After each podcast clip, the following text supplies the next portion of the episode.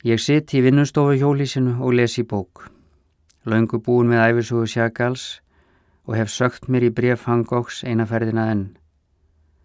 Tímabundið er ég stattur söður í Arl þar sem hann skrifar bróður sínum um alla hluti af óþrótandi ástríðu og þráhyggju.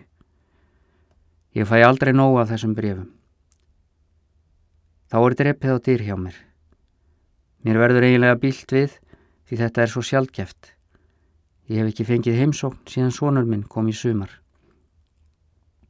Vonandi er þetta ekki hann, hugsa ég, en skammast mín samstundis fyrir að hugsa svona. Ég stend upp og opna. Fyrir utan stendur skóarvörðurinn í grænum hermannagalla sem er auðvitað stór fín felubúningur fyrir skóarvörð. Er ég að trubla, segir hann, og tvístýgur á pallinum. Alls ekki, segi ég, þó ég sé varla komin heim frá Arl. Ég bendi honum að ganga yfir að starra hjóli sínu og vísa honum þar inn á undan mér. Hann sest í sófan undir glugganum í fullum herrklæðum og andvarpar látt. Ég fer að hitta kaffi, lætt gaslógan suða. Hefur þú séð nokkra í skóginum með bissur að stelast í rúpuspyran? Nei, segi ég, en skiltið er enda eldað eftir heimsóknir í fyrra. Ég veit, segir hann, það er ekki komist í verka lagaða. Ef ég sé bissuminn læt ég vita, segi ég, og lít ósjálfrátt á búningin hans. Hann minnir helst á fríðargæslu liða, þarna gengt mér. Takk fyrir, segir hann. Ég helli snarpeitu kaffi í bollana sem eru báðir hangabrotnir. Ég hitti konuna þína í sumar þegar ég ætlaði heimsækja þig, segi ég. Ha, segir hann. Konuna þína, endur tek ég. Ég og enga konu, segir hann. Ég held hún væri, byrja ég. Hann tekur fram í fyrir mér alltaf því önuglega. Nei, hún var ráskona hjá mér meðan vinnuflokkarnir voru. Hún er farin. Ég finn óljósan söknuð eftir glötuðum tíma. Hvenar fór hún, spyr ég svo. Um miðjan september. Þannig að hún er farin fyrir rúmum mánuði.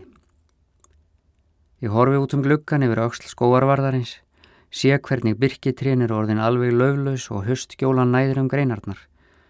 Stakur fuggl situr í einu trínu. Ég sé ekki hérðan hvaða tegundað er. Við spjöllum saman um daginn og veginn en erum þó fjarlægir hvora öðrum. Ég virðist ekki ná sambandi við neitt, hvort sem um er að ræða svo nefnda fjölskyldu mína eða ekki. Ef eitt hvað er, þá eru trén hér í skóginum mér nákomnari en fólk. Svo er í skóarvörðurinn á fætur. Ég fylgi honum til dyra.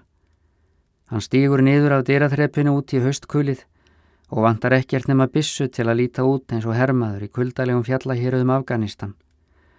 Hann er einhvern veginn óhamingjusamur að sjá þar sem hann stendur þarna á pallinum, álíka einmannalegur og fugglin sem satt á greininu áðan. Það fyrir að koma vetur, segir hann. Snjóar líklega bráðum samsinni ég, næstum eins og uppörfandi. Ég er undrandi á þessum rattblæ hjá mér. Getur þau málað veturinn, segir hann svo. Þá skil ég styrjan bara alveg hvít hann eftir. Hann hlæri döflega. Það er slæmt að vera einn á veturna, segir hann. Hjartavörðurinn gengur rór, svara ég. Hann lítur skilningslaus á mig, stýgur á fjórhjóli og ræsir það, ekkur hægt af stað, liftir hendi í hverjuskinni líkt og skreitreika fóringi á fréttaljósmynd. Ég gengi yfir í vinnustofu hjóli síðan nýju, sest í grænastólinu og held áfram að lesa. Ég ætla ekki að mála í dag. Það er í mér einhver depurð sem kemur í veg fyrir að ég geti lift pensli, en mér finnst ágætt að sitja og lesa. Þó ég sé aftur komin allarleið söður til Arl, verði ég að hafa kveikt á steinólíu ofninum og breyða yfir með kauplóta ullarteppið að auki til að hafa það nógu notalegt við lesturinn. Helst þyrti ég að fá mér sterkari leskleru. Eftir að hafa lesið nokkra stund brefin frá söður Fraklandi, fletti ég fremst í bindið og glukkaði bref hans frá Hag, þar sem mannréttinda domstólinn er núna.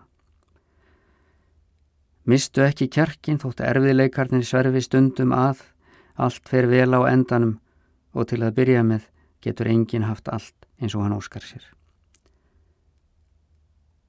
Hann var auðvitað mjög ungur þegar hann skrifaði að allt færi vel á endanum, en þó kannski er það rétt þegar á allt er litið. Ég stend upp úr stólnum og opna aðeins út svo steinóli í opnin svæfi mig ekki endanlega. Mér verður litið út um gluggan á þessa mannlausu þyrpingu gráleitra hjólísa. Það er einna líkast því að náttúru hamfarir hafi orðið og allir flúið burt til öruggar í staða.